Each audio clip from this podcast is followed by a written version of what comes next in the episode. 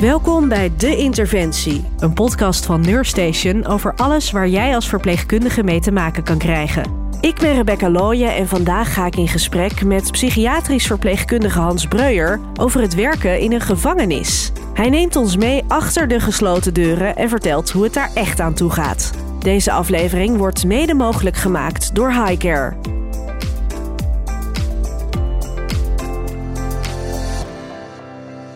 Hans, wat ontzettend leuk om jou te spreken. Jij werkt dus als verpleegkundige in de psychiatrie en hebt ook veel ervaring met het werk in een gevangenis. Dat is toch natuurlijk wel een hele bijzondere werkplek. Hoe ben je daar terecht gekomen? Nou, dat is inderdaad een hele bijzondere werkplek. Uh, puur uit nieuwsgierigheid. Ik had ook allerlei ideeën van wat er in een gevangenis gebeurt. Hoe zou het allemaal gaan? En toen dacht ik van ik wil het zelf wel eens mee gaan maken. Dus ik kreeg de vraag, want er was ergens plek. En dan heb ik meteen ja gezegd. En uh, ja, ben daar dus begonnen. Ja, dus eigenlijk kwam het zo toevallig een beetje op je pad. Ja, absoluut. Ja, ik werk als ZZP'er, dus dan, dan ga je van hot naar her, zal ik maar mhm. zeggen. En er komt van alles komt er voorbij. In de psychiatrie is het heel breed. En eentje ervan was de gevangenis. En wat is verder jouw achtergrond? Want jij bent psychiatrisch verpleegkundige, uh, maar doet dat dus op verschillende plekken? Ja, ik ben al heel lang geleden begonnen met die opleiding. Ik heb daarna nog wat opleidingen meer gedaan en veel op vaste plekken gewerkt. Veel bij de GGZ, en een, sinds een jaartje of vier eh, begon als ZZP'er. En dat betekent dat je verschillende opdrachten krijgt. Drie maanden zus werken, negen maanden zo werken. Dus je komt van alles tegen. Ja, wel heel afwisselend. Zeker. Ja.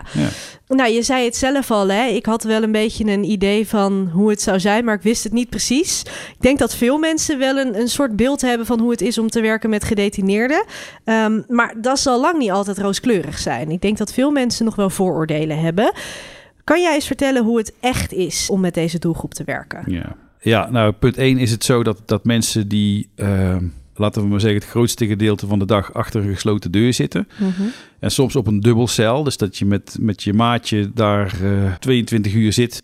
Uh, achter die deur. Dat lijkt mij geen pretje. Ik denk dat dat, uh, dat dat wel helder is. Ja, verder ben ik er toch wel heel vaak mensen tegengekomen. Dat zijn maar gewone mensen en die hebben ergens een, uh, een verkeerde afslag gemaakt. Mhm. Natuurlijk heb je de uitzonderingen van mensen die uh, ja, echt wel crimineel zijn. En die, uh, ja, dat zijn recidivisten, dus die ook vaak weer terugkomen, zeg maar. Maar vaak is het zo dat het, het zijn mensen, ja, die hebben geld verduisterd of, of met, met, drank gekke dingen gedaan. Ik noem maar wat. Ook dan kan je in de gevangenis ja. terechtkomen. Ja, het zijn dus echt niet altijd de mega agressieve types.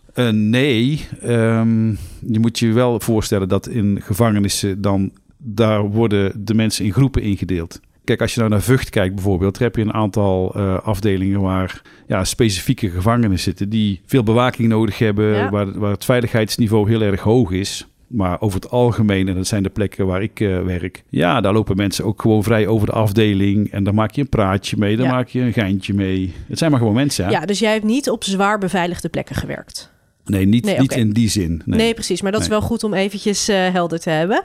Ja. Um, je hebt dan wat verteld hè, over wat voor mensen daar zitten. Die kloppen dan bij jou aan voor hulp of, of hè, die komen bij je voor een intake. Hoe gaan ze met jou om? Ja, je werkt dan als verpleegkundige in het medisch team hè, van zo'n PI. Hoe gaan die mensen met jou om? Uh, nou, wat ik al zei, mensen zitten veel achter de deur. Ja. Er zal wel een bepaalde soort verveling ontstaan, kan ik me mm -hmm. zo maar eens voorstellen.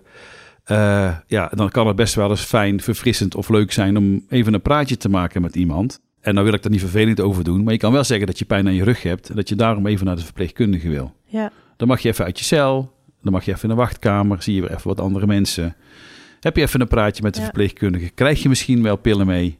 Uh, ik wil het niet belachelijk maken, maar zo kan het ook gaan ja, als ik dit zo hoor, lijkt het me heel logisch. Ik denk dat als ik in zo'n situatie beland en je zit daar jarenlang, ja, dan ga je dat denk ik ook wel gewoon doen op een gegeven moment. Ja, je wordt, ik denk dat je er ook wel een soort van, van creatief ja. Uh, uh, van kan worden. Maar kijk, over het algemeen zijn er vele soorten van klachten. Uh, veel mensen zijn, zijn bezorgd, zijn zorgelijk, zien hun kinderen niet meer of heel weinig, ja. hebben nog een vrouw thuis. Hoe gaat het met mijn bedrijf? Dat soort dingen. Dus mensen hebben veel last van slapeloosheid, ja. van stress, krijgen daardoor ook weer lichamelijke klachten. rugklachten, ook de matrassen zijn niet echt 100% over het algemeen, hè, waar mensen s'nachts op moeten liggen. Uh, daarnaast heb je best wel veel psychiatrie. Er zijn mensen die uh, persoonlijkheidsstoornissen hebben. Er zijn mensen met verslaving.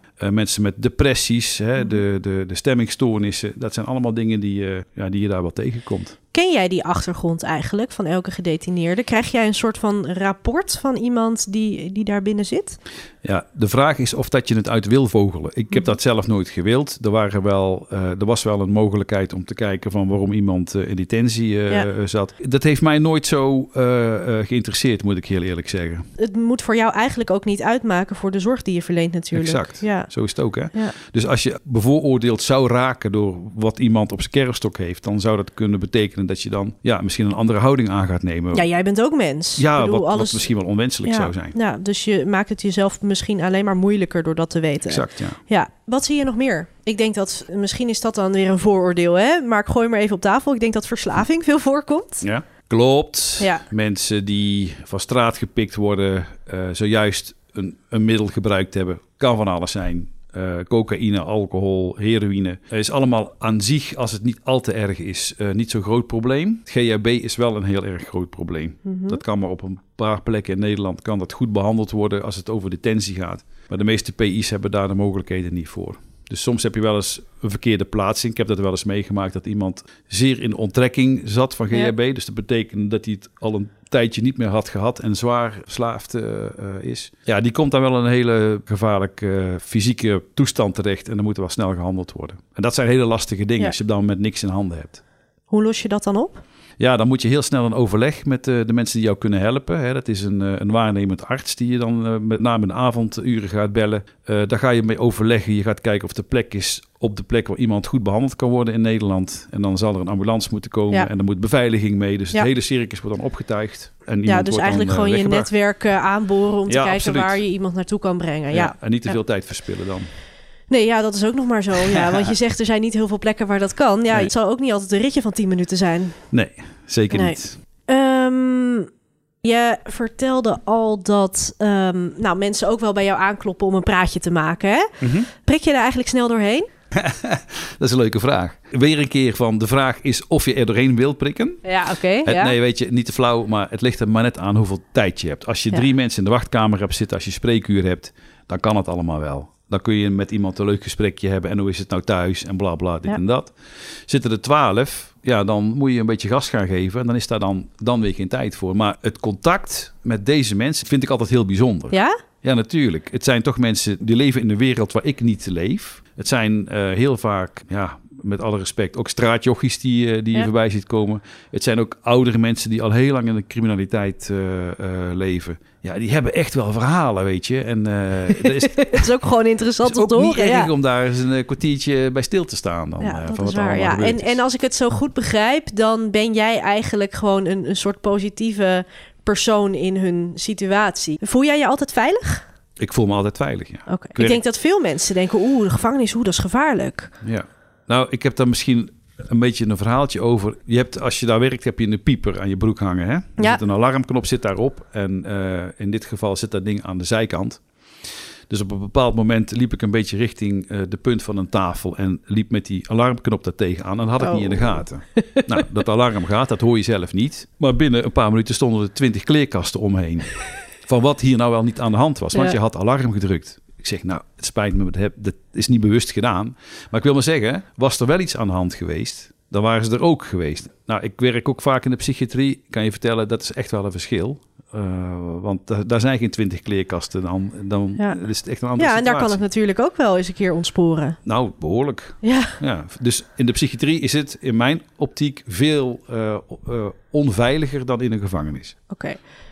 Ja, of dat dan iets goeds is of niet, dat is dan nog maar, hè? Dat, dat is nog een andere discussie.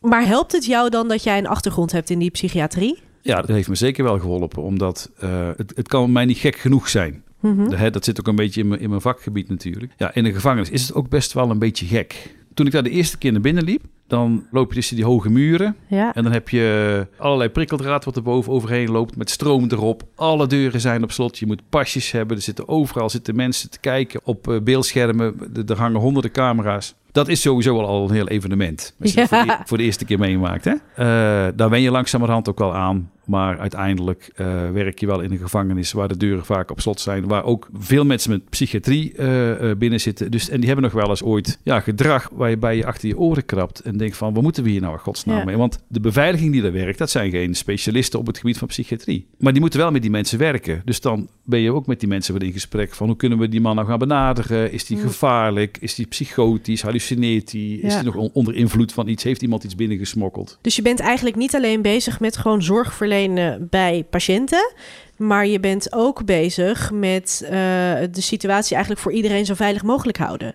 Ja, dat is dus precies waar het in de gevangenis over gaat. Ja. Wij hebben de mensen van de beveiliging nodig. Mensen van de beveiliging die hebben ons nodig. Ze moeten ingepraat worden in bepaalde situaties. En wij hebben hun nodig als we iets met iemand willen wat misschien niet helemaal safe is. Ja, en gewoon het overleg ook wat je met elkaar hebt. Ja. Zij kijken toch anders tegen de situatie aan dan wij.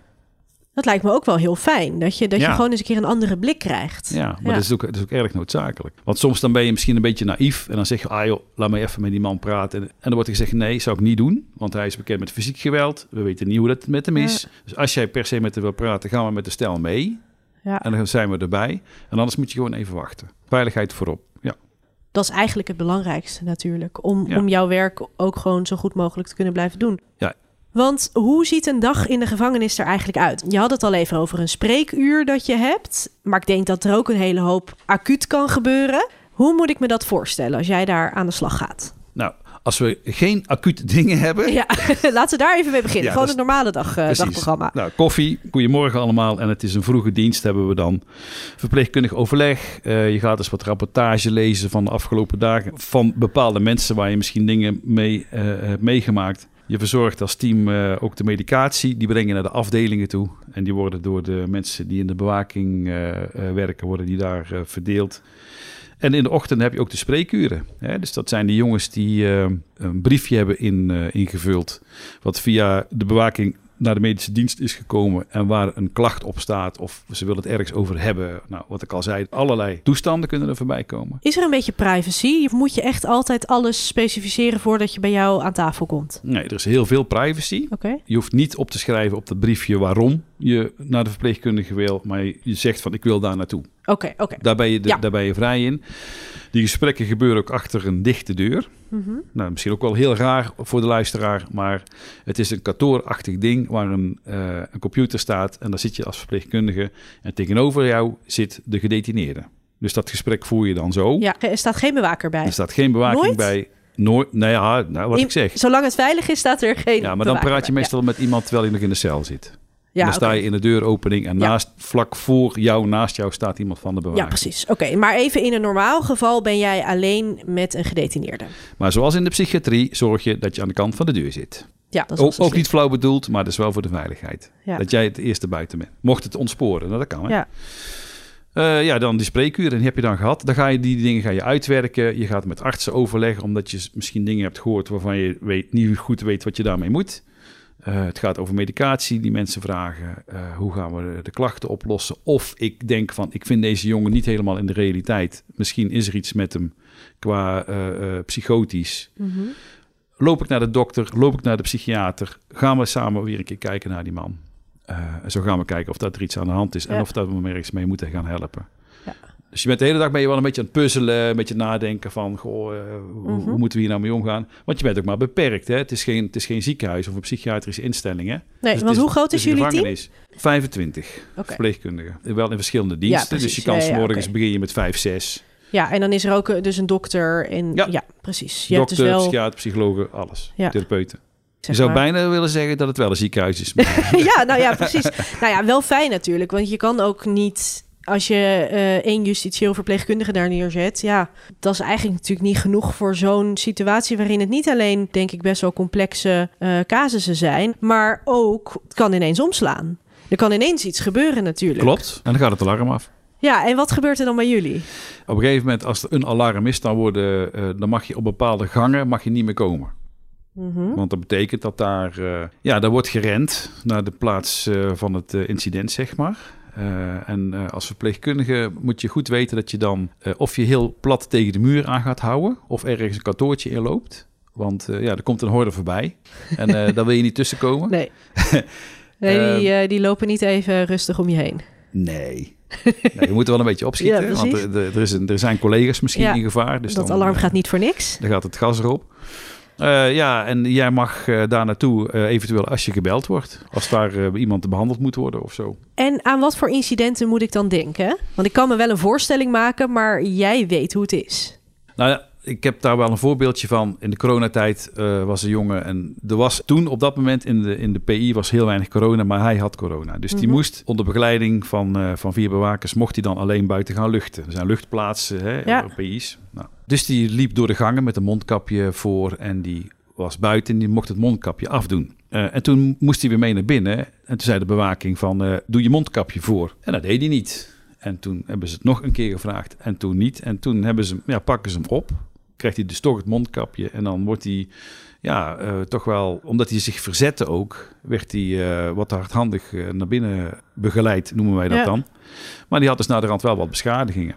En ja, dat zijn dan incidenten die dan op dat moment voorkomen en onverwachts. En daar word je dan bijgehaald en dan mag je zo'n jongen gaan verzorgen als het, uh, ja, als het zeven, zeg maar. Want ze wil ook niet dat er met jou iets gebeurt en jij moet gewoon je werk kunnen doen. En daar wordt wel heel erg op gelet, hè, dat jij gewoon je werk kan doen en dat er niet nog een keer iets geks gaat gebeuren terwijl je iemand aan het verzorgen bent. Dus eigenlijk ook hier weer veiligheid voorop. Voorop. Ja. En um, is er bijvoorbeeld veel sprake van uh, vechtpartijen, misschien onderling of uh, agressie of dat soort dingen, waarbij uh, verwondingen ontstaan? Ja. ja, ik snap jouw vraag. stel je voor, je hebt, een, je hebt een afdeling waar, laten we zeggen, 60 gedetineerden zijn. Mm -hmm. zijn 30 cellen en op iedere cel zitten, zitten twee gedetineerden. Uh, als die mensen allemaal vrij rondlopen op die afdeling, dan begrijp je, als het allemaal mannen zijn, dat daar uh, ja, wat testosteron uh, rond dwarrelt. En mensen willen graag boven op de apenrot zitten. Ja. En de ene mond is nog groter dan de andere. Dus er is een soort van hiërarchie ontstaat daar. Ja, want als ik over die situatie nadenk, dan denk ik dat dit ook mensen zijn die gewend zijn om te intimideren, toch? Dat is natuurlijk uh, precies waar het om draait. Want je hebt natuurlijk een bepaald percentage uh, jongens die van de straat komen. Mm -hmm. Die zijn daar opgegroeid. Die zijn met pa, hebben ze geleerd om in te breken. Ja. Dat is hun leven. Als iemand aan hun spullen zit, dan gaan ze intimideren, dan worden ze boos en dan dreigen ze met agressie. Er zijn ook mensen die niet uit die cultuur komen. Die zijn daar niet gewend om een grote mond open te trekken of meteen met die vuisten te zwaaien, et cetera. Nou, die zitten dus onderaan uh, uh, in, in de hiërarchie. En uh, ja, bepaalde types zitten daarboven. Maar het geval wil dat de bewaking die daar werkt vaak ook erg geroutineerd is en veel ervaring heeft. En die zien op zo'n groep wat daar gebeurt. En die zien welke jongens zich aan het ontwikkelen zijn naar een bepaalde manier van doen. Uh, en daar hebben ze gesprekjes mee. Om de boel in te dammen, ja. wordt gezegd van jongen, je bent een hartstikke le leuke, lieve, aardige gast, maar je moet nou een klein beetje gaan dimmen, ja. want dit loopt uit de hand zo. Hebben ze het zelf in de gaten, denk je? Als die spanning opbouwt en waarschijnlijk dat jij dus al ziet... oeh, als ze dit zo laten doorgaan, dan gaat het uit de hand lopen. Kunnen zij dat zelf ook inzien? Of hebben ze zo'n ja, soort van interventie toch wel echt even nodig? Ja, ik denk dat mensen wel eens op hun plek gezet moeten worden en pas mm -hmm. op de mhm. plaats moeten gaan maken. Er is niemand bij gebaat, ook deze mensen zelf niet, dat, dat dit soort dingen uit de hand loopt en dat er op een gegeven moment fysieke agressie zou, uh, uh, uh, zou voorvallen niemand bijgebaat. Wanneer er een vechtpartij is, worden mensen vaak een aantal dagen in een isoleercel gezet tot ze zijn afgekoeld. Dat wil ook niemand, want nee. het zijn echt geen fijne cellen hoor. Het is allemaal maar beton en een, een harde plek om te ja. slapen, et cetera. En je krijgt maar heel weinig aandacht en bezoek. Dus dat is iets waar je eigenlijk niet op wil zoeken. Maar ja, sommige mensen die zijn het nou eenmaal gewend om zich zo te gedragen. En dan wil het nog wel eens escaleren, ja. ja. ja. Laten we weer even teruggaan naar jouw werk in de zorg. Want op de meeste plekken binnen de PI's wordt er natuurlijk gewerkt met justitieel verpleegkundigen die echt een opleiding hebben gevolgd. Jij natuurlijk niet. Jij bent eigenlijk een beetje in het diepe gegooid. Ben je dan wel extra ingewerkt? Of hoe moet ik dat voor me zien als jij hè, niet die opleiding hebt gevolgd, maar wel in de gevangenis aan de slag gaat? Uh, goede vraag. Zelf breng je al het een en ander mee. Ja. Ik heb redelijk veel ervaring in de zorg, in de psychiatrie. Dus dat helpt dan nogal. En allerlei dingen die je niet weet. Er lopen altijd ervaren verpleegkundigen rond. Waar je een tijdje mee meeloopt. Dat je even met z'n tweeën bent. Ook van hoe doe je die spreekuren nou bijvoorbeeld. Ja. Hoe zit het met die medicatie? Hoe ga je dat bestellen als er medicatiefouten zijn? Hoe ga je dat weer herstellen? Dat soort zaken. Dat zijn allemaal praktische dingen. Hele inwerkprogramma's. Ja, het is ook justitie weer. Hè? Dus daar hangt alles aan elkaar van protocollen en Ja. van eh, geschreven afspraken. Eh, noem maar op. Nou ja, op zich wel goed en, en, en helder. En eh, als je je daar een beetje in kan voegen. Dat is ook precies wat die justitieel verpleegkundigen leren. Hè? Dat soort zaken. Hè? Die weten Ja. precies hoe alles geregeld is en gedaan Ja. is. Dat iedereen ook hetzelfde doet. Wat in de gevangenis ook heel erg eh, belangrijk is. Dat iedereen hetzelfde doet. Moet ik me voorstellen dat je het dan een beetje in de praktijk moet leren?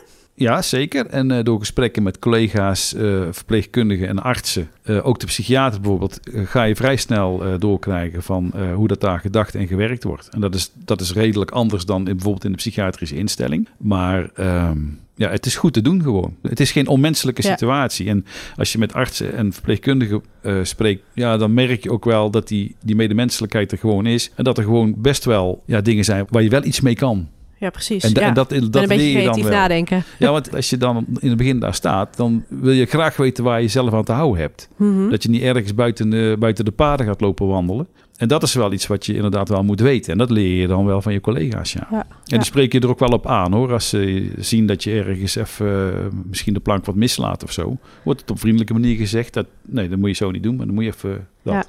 Is er eigenlijk iets waarvan je zegt, nou, dat was echt het gekste wat ik heb meegemaakt. Waarvan ik echt dacht, nou, ben ik nou weer in beland?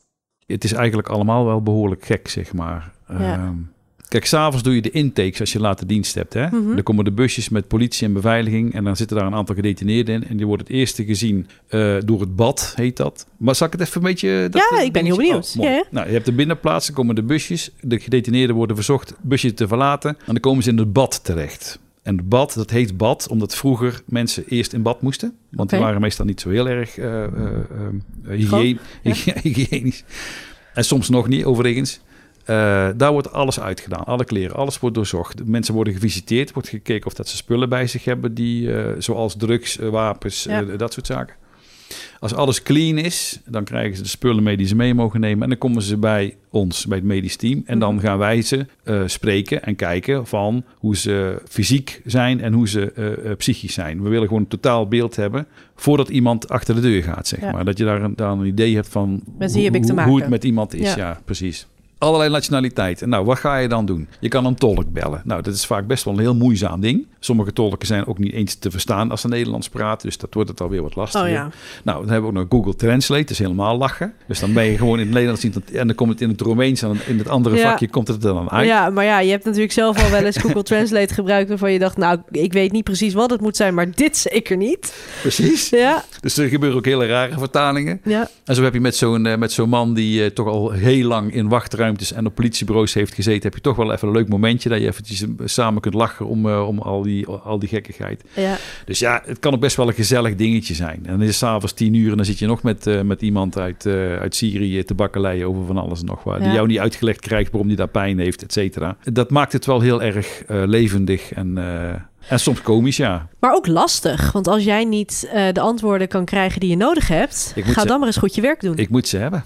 Ja. Ja, ik moet ze echt. eh, Hè, ook even terug naar die verslaving. Als iemand eh, zegt: Ik ben verslaafd aan alcohol en aan cocaïne. Mhm. Dan wil ik echt weten wanneer die voor de laatste keer gebruikt heeft, voor de laatste keer gedronken heeft en hoeveel. En Ja. wat. Dat moet ik weten. Want het kan zijn dat als dat forse hoeveelheden zijn, dat iemand dan de cel ingaat en s'nachts in de onttrekking gaat. En dan daar in een bepaalde situatie terechtkomt die we helemaal niet willen. Dan, dan is het wel wat pittig. Er springen ook wel wat dingen voor je uit die gewoon heel lastig waren. Of, of misschien heel verdrietig. Hoe ga je daarmee om? Ehm, gelukkig eh, maakt iedereen wel eens wat mee die eh, op die plek werkt. En als je ergens last van hebt, en ik heb dat wel eens een keer gehad, dat je dacht van, oh shit, ehm, dit, dit valt niet zo lekker omdat je daardoor schrikt of geëmotioneerd raakt of net wat. Dan is er altijd een collega in de buurt waar je, waar je naartoe kan. En dan ga je even je verhaal doen. En eh, mocht dat dan niet voldoende zijn, dan is er binnen de organisatie, dat is gelukkig bij heel veel organisaties zo, is er altijd een clubje mensen wat, eh, waar je terecht kan. Die kennis van zaken hebben, die ook in dat werk hebben gezeten. En die weten dat ze goed eh, naar je moeten luisteren en goed naar jou moeten gaan kijken van hoe is het nou eigenlijk met jou. Ja. Dat je daar niks zelf aan oploopt, dat je daar wat getraumatiseerd door kan raken Mhm. of zo. Ja. Dus dat is vaak is dat wel goed geregeld, ja. Fijn. Ja. ja. Ja, en al is het maar even in sommige gevallen jezelf uit de situatie kunnen halen natuurlijk. En gewoon even een kopje koffie gaan drinken. Heel belangrijk. Ja. Want we moeten allemaal stoer en macho en dit en daar zijn. Maar je krijgt af en toe krijg je een, een, een optater. En uh, de bedoeling is dat je dat uh, ja, goed verwerkt. En als je dat niet alleen kan, dan denk je in het begin wel dat je dat alleen kan. Maar vaak is dat niet zo. Nee. Ga dan godsnaam hulp uh, zoeken. En ja. praat het van je af en laat je daarmee helpen. Ja, dat is wel belangrijk. Um, best wel complexe werkplek met ook heel veel leuke kanten, heel veel bijzondere kanten, um, maar wat ook een stukje creativiteit weer vergt, als ik het goed opsom. Wat denk je dat andere zorgverleners in huis moeten hebben om hier aan de slag te kunnen gaan? Ja, ondanks dat het misschien van buitenaf wat spectaculairder lijkt dan dat het is, is het toch wel handig uh, dat je wel wat stevig in je schoenen staat. Dat je niet heel snel uh, onder de indruk bent van uh, mensen die ja, met veel machtsvertoon over een afdeling aan het, uh, aan het roepen zijn en van alles nog wat. Laat het langs je heen gaan. Weet dat heel veel mensen eigenlijk heel veel angst in zich hebben en daardoor dat gedrag laten zien. Als je daarover zo na kan denken, dan ga je het allemaal in een ander perspectief zien. En dan wordt het ook allemaal wat rustiger voor je. En dan ja. weet je dat het allemaal niet zo veel bombarie is als dat het uh, op dat moment uh, lijkt. Ja, ik denk dat dat wel een van de, van de belangrijkste dingen is. En met name ook het rustig reageren op situaties. Er wordt heel vaak geklaagd dat er veel agressie in de zorg is. En dat is ook zo. Maar met alle respect denk ik dat er ook wel zorgverleners zijn die uh, door hun eigen reactie daardoor weer een tegenreactie uitlokken, wat dan weer kan escaleren. Ja, dus, dus je moet altijd de-escaleren. Ja. ja, lekker blijven ademen, goed blijven kijken en vooral rustig blijven. Ja, dus als je van jezelf weet van goh, hè, ik kan daar nog wel veel uit de hoek schieten, dan is dit niet de werkplek voor jou. Als je um, snel aangetikt bent, dan moet je iets anders gaan doen. ja, precies. En ik denk dan ook, als ik jou zo hoor, dat het misschien ook niet het beste is om dit te gaan doen als je pas net een jaar uh, uit de schoolbanken bent. Er zijn uh, in zorgland heel veel pareltjes. En dat zijn hele jonge mensen met heel veel skills en uh, goed opgeleid. Ja, het kan. Oké. Okay. En ik ben ze echt tegengekomen, een petje af. Mensen gaan heel ver komen in de zorg. Maar over het algemeen is het toch wel fijn als je wat uh, zorgbagage ja. uh, bij je hebt en al wat dingen meegemaakt hebt. En uh, ja, weet dat het niet altijd roze geur maneschijn is. Ja, ja, Moet je wel weten. En dus ook die creatieve oplossingen kan bedenken. Ja, dat, is, dat is een van de leuke kanten als je als verpleegkundige, en of je nou een, een A-verpleegkundige bent of een B-verpleegkundige, of als je ooit hebt gedacht van ik zou wel eens in een gevangenis uh, willen werken, ga dat dan ook doen. Om twee redenen. Het is hartstikke leuk. Het is heel nieuw voor je. Het is verfrissend en het is heel ander werk. En daarnaast is ook weer in de PI's veel uh, vraag naar uh, zorgpersoneel. Dus je wordt uh, met open armen ontvangen. Oké, okay, terwijl ja. ik zou denken van, oeh, nou ja, het lijkt me wel interessant, maar hoe kom je daar toch in godsnaam terecht? Maar dat kan dus gewoon. Het is heel simpel. Ja, mooi. Dan tot slot ben ik heel erg benieuwd wat jij vanuit jouw expertise mee wil geven aan andere zorgverleners. Ja, Gelukkig mocht ik hierover nadenken van jou. Jazeker. um, wat voor mij het allerbelangrijkste is, is dat wanneer de zorg aan, aan mensen aan jou toevertrouwd is, dat je echt naar die mensen luistert. We hebben nog wel eens de neiging om te denken van ja, het zal wel meevallen, of zo erg is het allemaal niet, of ik zie dat toch niet zo. Wat ik vind is niet van belang. Wat jij tegen mij vertelt, dat is van belang. En ik wil daar graag naar luisteren. Om samen met jou te kijken van, kunnen we daar iets op gaan bedenken? Zijn daar dan uh, oplossingen voor? Als je dat zo kan doen, dan zul je ook vrij snel vertrouwen opbouwen. En dat is dan weer de basis van, uh, van de zorg. Want als iemand jou wantrouwt, kun je daar niks voor betekenen. Dat gaat gewoon niet. Dus uh, ja, dat opbouwen, dat vertrouwen, hè, door te beginnen te luisteren, zeg maar. En ook je afspraken na te komen, is ook heel erg van belang. Ik heb hier nog een woordje staan, Nivea. Zegt jou dat iets? Niet invullen voor een ander. Dat wou ik net zeggen.